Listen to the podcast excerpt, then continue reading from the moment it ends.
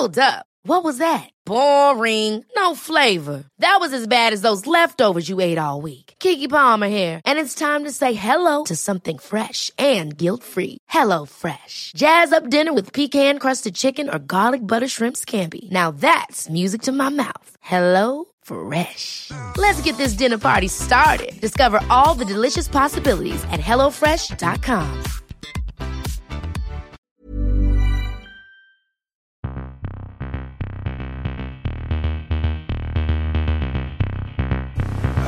Guten Tag.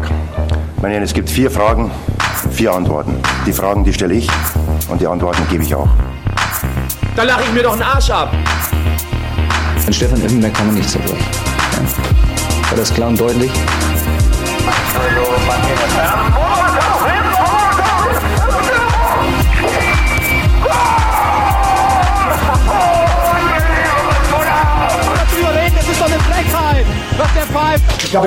Återigen bjuder stamplats på ett avsnitt även i början av veckan. Vi tänkte spela in igår måndag, men eh, Filip, du var inte riktigt redo för det än, eller hur?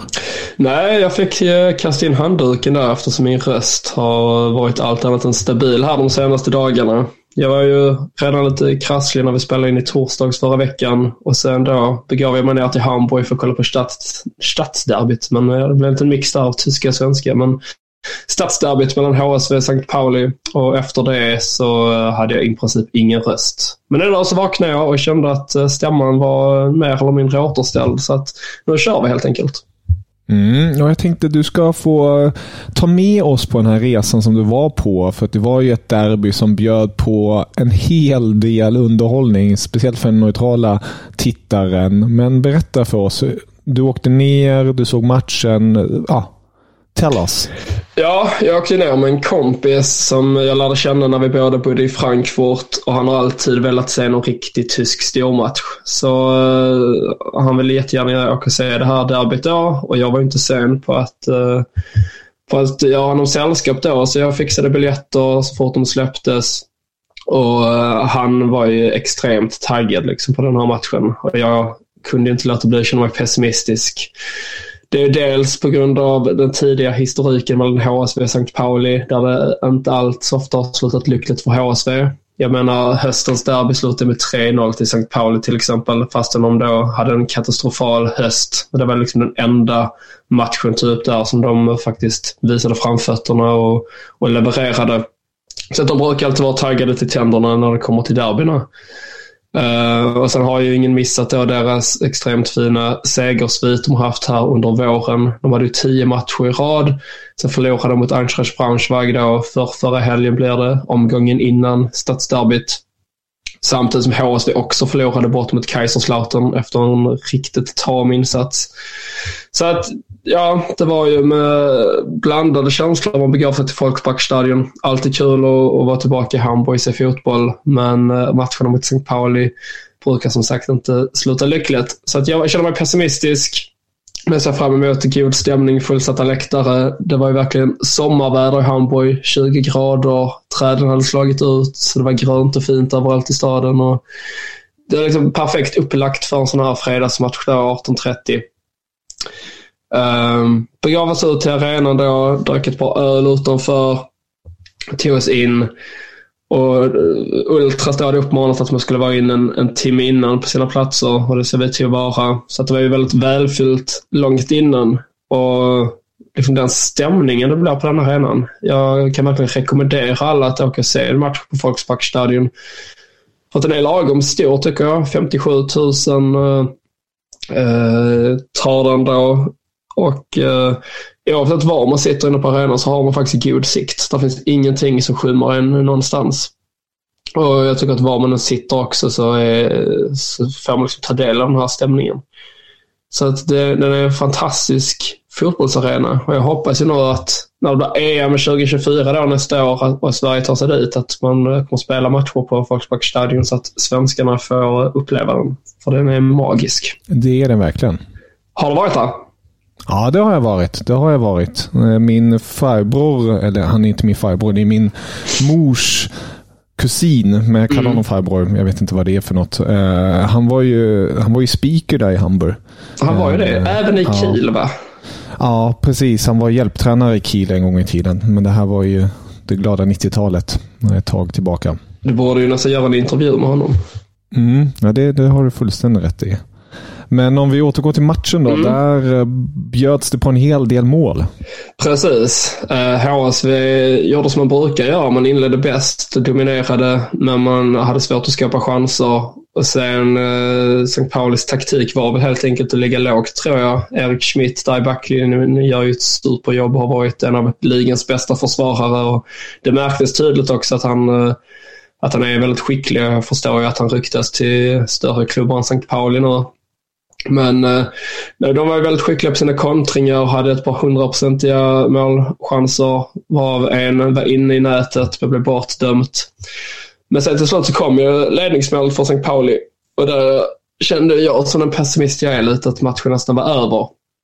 För man vet ju som sagt hur det har sett ut i de tidigare matcherna. Där har det nästan varit likadant. HSV har inlett piggt men skapar ingenting. Ser St. Pauli mål och sen rinner det iväg.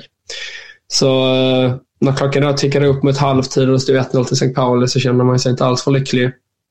Men det uppstår ett läge där bollen kommer utanför straffområdet. Ingen vågar skjuta så de spelar bara runt den. Och sen helt plötsligt hamnar de framför eh, den unge mittbacken Jonas David. Och han, han äh, väljer att skjuta och det blir en kanonträff som sitter i krysset i princip. Och deras första mål någonsin i HSV-tröjan i, i ligasammanhang i alla fall. Och det är, ja, man kan ju inte kan inte göra ett bättre debutmål än så. Han är ju fostrad i Hamburg, har HSV i hjärtat och gör det målet i derbyt som är så viktigt här inför halvtidsvilan också. Så det inger ju mycket hopp till halvtiden eh, om man känner att nu är det match igen. Uh, och sen inleds den andra halvleken. Väldigt mycket pyroteknik och det är, liksom, det är en rök som konstant ligger tät på, på planen och hela arenan. Det känns verkligen som ett klassiskt slagfält från förr i tiden. Uh, och solen letar sig in också mellan, uh, mellan taket och, och väggarna som gör att det blir ett jäkla häftigt ljus där inne. Så att liksom hela den här atmosfären också är väldigt speciell och känns väldigt derbyaktig. Men ja, den andra halvleken den inleds med två snabba mål från HSVs sida vad är det, man gör mål liksom i 48 minuten och i 52 så att det är liksom sju minuter in. Alltså åtta minuter om man räknar med då slutet på den första halvleken. Under tio minuter så gör man tre mål. Och eh, då känns det lite ändå som att fan det här bör ju gå vägen. Men jag känner mitt HSV allt för väl så att jag känner att jag är helt säker på att det kommer bli en uh, reducering här och sen kommer det bli uh, ett himla jäktande. Och mycket riktigt så eh, gör ju St. Pauli också helt plötsligt eh, 3-2. Och eh, det känns nästan alltid som att det laget som jagar sitter lite i förarsätet. För att då är ju HSV extremt pressade medan St. Pauli i princip inte har något att förlora utan kan bara gå framåt och man är hungriga. Och man skapar också chanser. Men istället så är det HSV som, eh, som utökar ledningen till 4-2 tack vare ett väldigt dråpligt självmål av en St. Pauli-försvarare. Som i alla fall när man såg det på arenan kändes det nästan som att det var med flit han eh, stötte in den. Men jag tror han blev så stressad i situationen och samma reprisen så inser man också att det hade inte, alltså hade han missat den rensningen eller skitit i rensaren så hade ju ändå en Königsdorfer gjort mål som var precis bakom honom. Så att det, det hade nog blivit mål i vilket fall som helst. Men den glädjen är väldigt kortvarig där när HSV gör 4-2 med 10 minuter kvar att spela. För i anfallet efteråt skapar sig Pauli en hörna och den knåpar man in i mål. Så att det står 4-3. Uh, ehm, och sen är det 10 eller 15 minuter blir det med tilläggstid. 15 väldigt, väldigt nervösa minuter som avslutar det här mötet. Och det skapas lite chanser, men inga så superheta heller. Men man är hela tiden på, på tårna liksom och man står upp hela tiden fast man har sittplats. Och och, och, när domaren sätter pipan mot munnen och blåser av så är det en sån jäkla euforisk känsla. Så, samtidigt som man bara är så här, man kan knappt tro det. Eh, jag kommer ihåg när jag var så första derbyt mellan HSV och Werder Bremen i andra ligan borta på Weserstadion. Det var samma känsla, liksom så här, mer att man bara uh, andades ut än att man verkligen så här gick bananas och firade. Men eh, man hade ju en, en eh, glädjekänsla i hela kroppen givetvis. Och man kramades och, och firade tillsammans med, med grannarna där inne på arenan. Och ja, jag, jag inser liksom, även om det inte riktigt har satt sig än, så inser jag att det här kommer vara ett riktigt klassikermöte för all framtid. Alltså 4-3, hur ofta slutar en fotbollsmatch det? Och sen ett sånt här derby som dessutom var så här viktigt. För att nu känns det som att St. Pauli är avhängda från den absoluta toppstriden. Och HSV har all chans i världen nu på att ta sig upp. Så eh, ja, det var väldigt filmiskt alltihopa. Och jag sa det efteråt också till min kompis att jag har ju sett en jäkla massa HSV-matcher men detta här måste ändå vara en av de absolut häftigaste jag någonsin har varit på. Så summa summarum en grym upplevelse. Alltså. Så jag är så himla glad och tacksam över att jag fick uppleva den live. Ja, det kan jag verkligen tänka mig. Precis som du var inne på, det här betyder ju att HSVs dröm om Bundesliga-kontrakt lever i allra högsta grad. Heidenheim är ju bara en poäng framför. Darmstadt som leder är fem poäng framför. Sen har vi Paderborn och St. Pauli som du var inne på och även Düsseldorf på knappt nio poäng bakom. Så mm. de här sista fem omgångarna, det kommer bli, aj jäklar vad det kommer bli spännande att följa HSV och se om de slutligen kanske löser det hela. Tittar man bara på vilka de möter så är det ju självfallet alltid intressant att jämföra det med andra, men HSV i alla fall, de möter ju Magdeburg borta nästa omgång, sen Paderborn, sen Regensburg, sen Greuther Fürth och sen Sandhausen. Så det är ju inte någon av de här topplagen där uppe. Så det, nej, det ska bli extremt spännande att följa den här utvecklingen och se om HSV slutligen kan på något sätt döda sin eh, Zweite Bundesliga mardröm i det hela. ja, alltså jag tror inte man kommer gå rent här de sista fem matcherna, men men jag bara känner att nu är det ändå nio poäng ner till Paderborn, St. Pauli och Düsseldorf. Och det tror jag inte att vi kommer att tappa. Uh, så att det blir minst kvalplatsen känns det som just nu i alla fall. Sen är det, ja, det är Paderborn i så fall som är den svåraste uppgiften. Men just på hemmaplan så har ju HC varit så extremt starka. Så att där känner jag mig ändå ganska säker på att det kommer att sluta lyckligt både mot Paderborn och Greuter Fürth. Så det är Magdeborg, Jan Regensburg och Sandhausen borta då. Och alla de tre klubbarna är ju i den nedre halvan av tabellen. Både Regensburg och Sandhausen slåss för, eh, för sin fortsatta existens. Ganska troligt ändå kanske att Sandhausen till sista omgången redan är, har sitt öde avgjort. Kanske det att man åker ut förmodligen. Så att då har inte de någonting att spela för. Så ja, det blir en jäkla intressant avslutning här på Zweite Bundesliga och eh, det blir det även i Bundesliga får man säga. För att göra en inte så eh, smidig övergång, men en övergång i alla fall.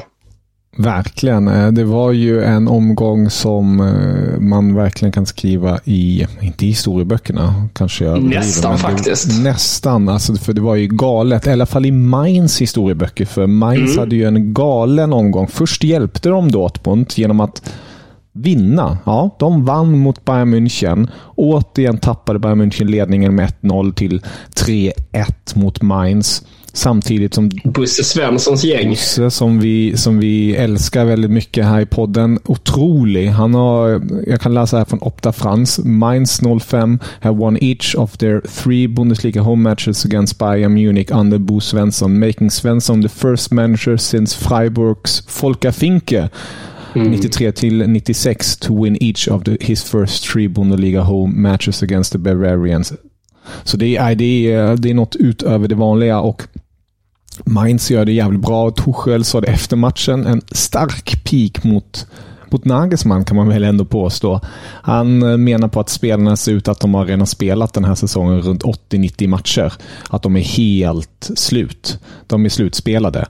Eh, och, och, Det har ju diskuterats mycket i, i bayerska leden att, att man, har, man har roterat konstigt, man har spelat så många olika formationer. Och det har inte funnits någon så statisk, någon, någon självklarhet. Förr visste man ju i princip Bayern Münchens elva varje gång. Och det Självklart kan det kanske vara en negativ grej, men även en fördel för de spelarna. För att de visste, okej, okay, jag spelar, jag måste leverera, så här ska vi spela, punkt slut.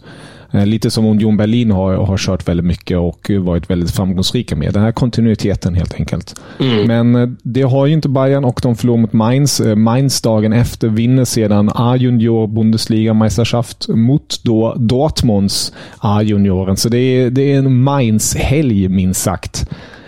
Om, man, om man vill kalla det så. Och eh, det som också var väldigt imponerande Förutom då Dortmunds 4-0-seger mot Eintracht som faller ihop som en, eh, som en sköldpadda tänkte jag säga, men en sköldpadda faller väl inte ihop.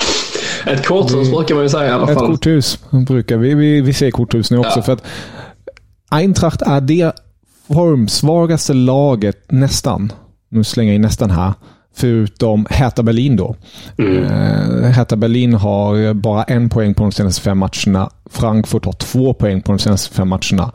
Och Dortmund är det näst formstarkaste laget. Men vilket är det formstarkaste laget i Bundesliga? Kära Filip. Jag antar att det är Bayer Leverkusen. Stämmer bra det. Det är Bayern Leverkusen. Xabi Alonsons Bayern Leverkusen som trummar på, som gör det så jäkla bra. De var mot Leipzig i helgen med 2-0. De var trötta, det såg man efter Europamatcherna, men de löste ändå den biffen och har nu på de senaste 13 matcherna, alltså tävlingsmatcherna, inte förlorat en enda gång. Det är uh, extremt imponerande och nu har de till och med på något vis nos på en CL-plats. De är just nu på en sjätte plats. De har 47 poäng. De har framför sig RB Leipzig på 51 poäng, Union Berlin på 52 poäng och Freiburg på 53 poäng. Så mm. Eh, det är inte helt omöjligt och nu till helgen ska de möta Union. Så det blir en extremt viktig tillställning för Alonsos manskap helt enkelt. Nie im Leben. Und Stefan Effenberg kann man nicht zerbrechen. Ja? War das klar und deutlich? Ever catch yourself eating the same flavorless dinner three days in a row? Dreaming of something better? Well, HelloFresh is your guilt-free dream come true, baby. It's me, Kiki Palmer. Let's wake up those taste buds with hot, juicy pecan crusted chicken or garlic butter shrimp scampi. Mm. Hello Fresh. Stop dreaming of all the delicious possibilities and dig in at HelloFresh.com.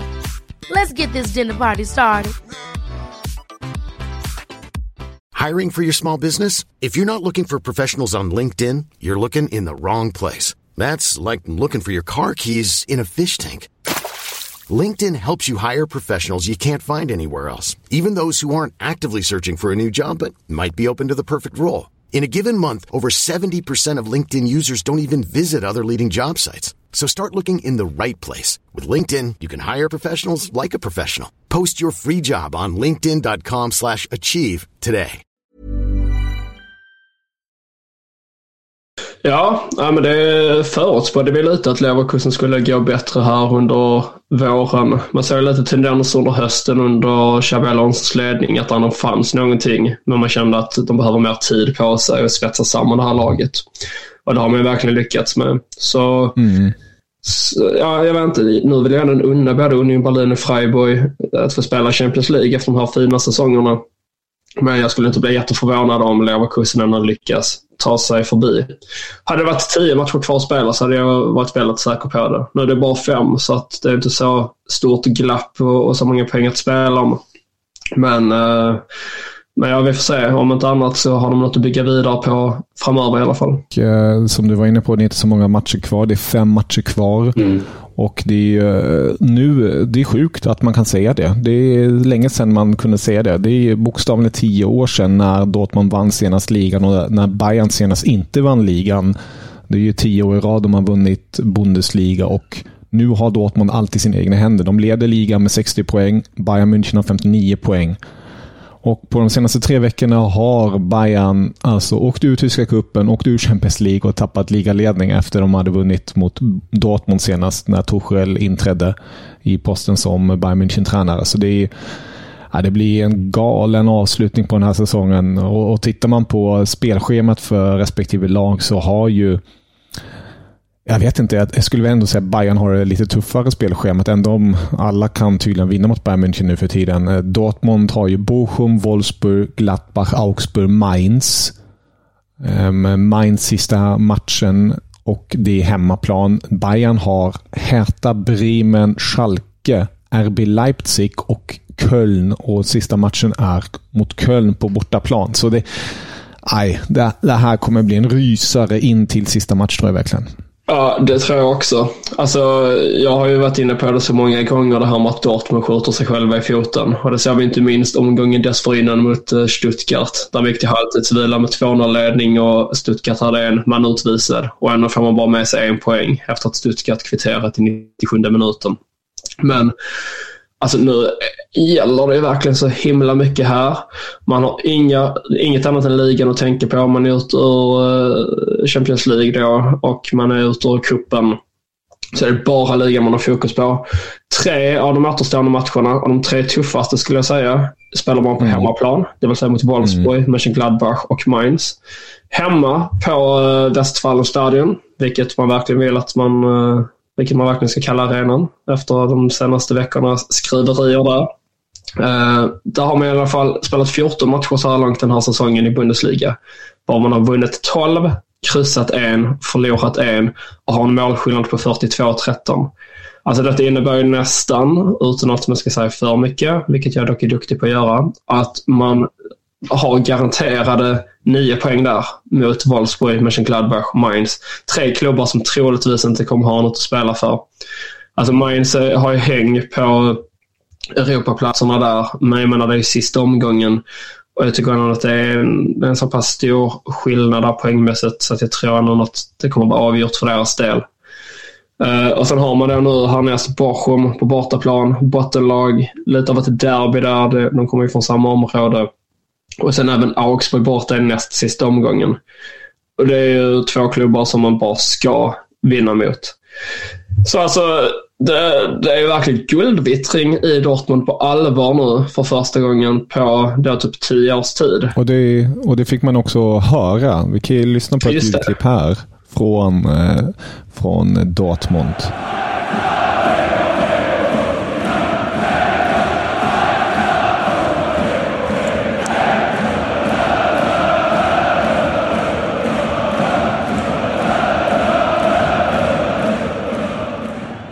Där hörde ni. Det gungade ordentligt när Dortmund vann mot eh, topplaget som det ska egentligen vara, Eintracht Frankfurt. Um, och, och fansen ja. är säkra på sin sak.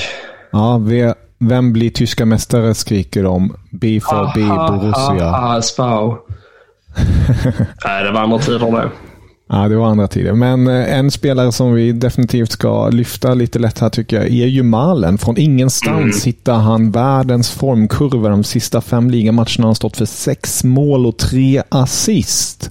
Det hade man inte trott. Nej, det är ju lite en Julian Brandt-spelare det här. Liksom. De, de har kommit tillbaka några stycken nu från de dödas rike nästan och börjat leverera. Jag menar, kollar man på den interna skytteligan i Dortmund så tror man ju knappt sina ögon. För det är just Julian Brandt som toppar på åtta mål och sen därefter så är det Malen med sina sju nu efter att ha kommit igång här på slutet. Och det är väl just den, alltså de här typen av spelare man kommer att lyfta fram sen om, om det nu blir att guldet hamnar i Dortmund. Liksom att deras formtoppar har lite avgjort ligan för Dortmunds del. Plus det väldigt mycket att Bayern München har varit så otroligt usla jämfört med tidigare säsonger. Jag såg mm. någon som hade tagit fram en eh, tabell också hur det har sett ut med fem omgångar kvar att spela de senaste fem, åtta åren eller vad det var. Och aldrig har Bayern München haft så få poäng och haft sämre mål, eh, målskillnad än vad man har det här mm. året. Så det är väldigt tydligt. Men ja, jag håller verkligen tummarna för att eh, Dortmund vinner detta. Och eh, det blir så jäkla intressant nu att följa ligan. Alltså, det, ja, jag vet inte senast när det kändes så här intressant med, med guldstriden i, i Bundesliga, men det var väldigt länge sedan i alla fall. Ja, det är fantastiskt underhållande tycker jag på många sätt och vis. Tråkiga nyheter dock från både Dortmund och Bayerns läge är ju att i Bayern München är Davis borta resten av säsongen. Han drog på sin hamstringskada i, i helgen mot Mainz. Och Nico Schlotterbeck har slagit upp sin gamla skada och missar i alla fall kommande match mot Bochum. Kan bli längre. Så det är, det är bakslag för båda två. De har ju uppbackning dock, men eh, ja, det, vi får se helt enkelt. Det där ska man ändå lösa som, eh, alltså för Dortmunds del. Ja, nu, nu kliver Hummels in. Det är nu han ja, lyfter laget. Eller hur? Det, är också så vackert. Liksom. Han kommer in och och säkra detta. Nej, men det, det ska inte sluta med någonting guld för Dortmund. De har allt i sina egna händer och uh, blir det inte guld så uh, vet jag inte vad jag gör. Fast jag egentligen inte bryr mig jättemycket i och med att jag inte håller på klubben. Mm. Men det, nu är det fan dags för någon annan klubb att vinna Bundesliga. Ja, nej, det är galet. Det är uh, sanslöst vilken spänning vi kommer få bjudas på nu. Avslutningsvis, eh, Filip, vi kommer ju med till avsnitt senare i veckan inför helgen då, men eh, lite rykten och sånt. Eh, senaste nytt från Sky till exempel är att Bayern München kan tänka sig erbjuda Mané för att köpa Osimhen. Ja, det känns ju ändå som en eh, ganska tänkbar övergång nu. Jag tror Mané hade gjort sig betydligt bättre i Napoli än i Bayern München, känns det som. Mm, jo, eh, Bayern München är ju på jakt efter en anfallare. Vi får se vart det landar. Det sker ju väldigt mycket i lägret och vi, vi har ju pratat om det mycket, tid, mycket tidigare i de tidigare avsnitten och vi kommer att prata mer om det senare. Men det kommer ryckas och ruckas och fixas och trixas en hel del i Bayern. Ehm, ehm, men eh, avslutningsvis kan man väl eh, lyssna på de här orden.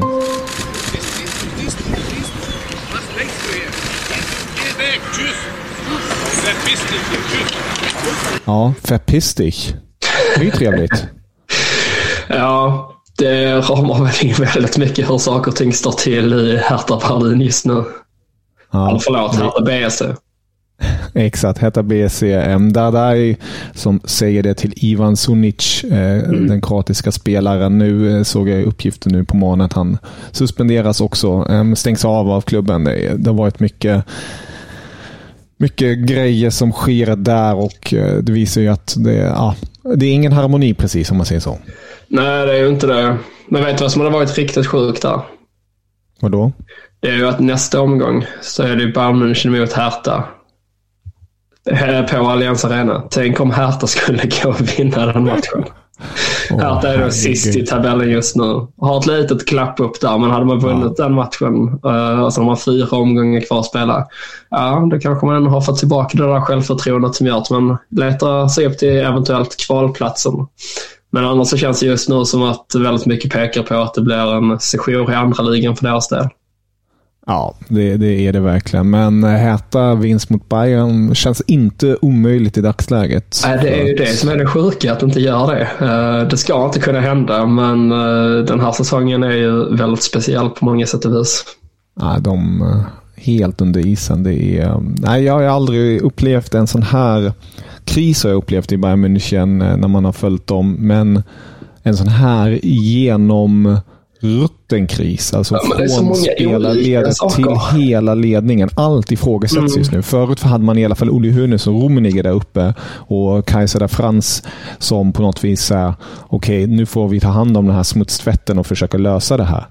Men nu är det ju så här, Kahn borde inte vara där kanske. Brasse borde definitivt inte vara där. Och Herbert Heiner, en president som man inte sett eh, någonting av. Alltså, när Olle Hunes var president, då gick han ut och, och försvarade laget. Herbert Heine hanterar Bayern München som han gör med ett stort företag. Och Det är inte så konstigt med tanke på att han var chef för Adidas förr. Men Bayern München är, ja, till viss del ett företag, men det är fortfarande en fotbollsklubb och det måste hanteras på andra sätt. Och eh, nej, det är under all kritik. Vi får, vi får återkomma till det. Ja, det får vi göra. Jag tänkte ett annat rykte bara som vi kan avsluta med här. Mm. Det är ju en svensk faktiskt som kopplas samman med Eintracht Frankfurt. Mm, det är Viktor Gyökeres som har gjort succé mm. den här säsongen för sitt Coventry i Championship där han har öst in mål.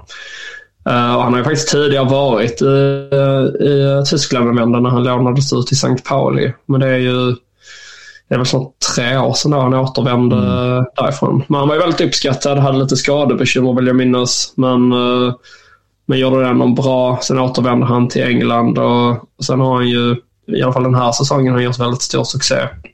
Så att det känns mm. inte omöjligt att han hamnar i, i Bundesliga då till nästa säsong. Och jag tror verkligen att han hade varit en bra spelare för Frankfurt och kanske då blir ersättaren till uh, Moani om han nu säljs. Vilket en del talar för att han kommer göra med tanke på att det eventuellt inte blir något Europaspel nästa säsong. Man har ju då kuppen mm. och, och, hoppas på att man ska vinna den och då kommer man spela i Europa. Men gör man inte det så är väl sannolikheten stor att uh, Moani han tackar för sig.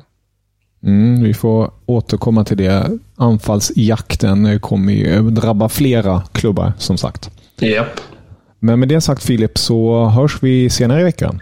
Du, det gör vi. Så har vi mycket att snacka upp om inför helgen förhoppningsvis. Jawohl. Auf Wiedersehen. Yes. Auf Wiedersehen. Guten Tag. Meine Herren, es gibt vier Fragen, vier Antworten. Die Fragen, die stelle ich und die Antworten gebe ich auch. Da lache ich mir doch einen Arsch ab. An Stefan Effenberg kann man nicht zerbrechen. Ja. War das klar und deutlich? Das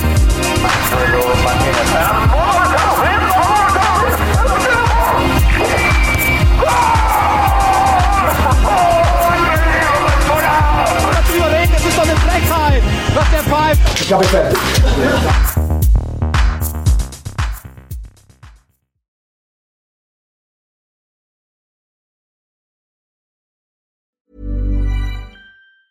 Ever catch yourself eating the same flavorless dinner three days in a row? Dreaming of something better? Well, HelloFresh is your guilt-free dream come true, baby. It's me, Kiki Palmer. Let's wake up those taste buds with hot, juicy pecan-crusted chicken or garlic butter shrimp scampi. Mm. Hello Fresh. Stop dreaming of all the delicious possibilities and dig in at HelloFresh.com. Let's get this dinner party started. When you make decisions for your company, you look for the no-brainers. If you have a lot of mailing to do, stamps.com is the ultimate no-brainer. Use the stamps.com mobile app to mail everything you need to keep your business running with up to 89% off USPS and UPS. Make the same no-brainer decision as over 1 million other businesses with stamps.com. Use code PROGRAM for a special offer. That's stamps.com, code PROGRAM.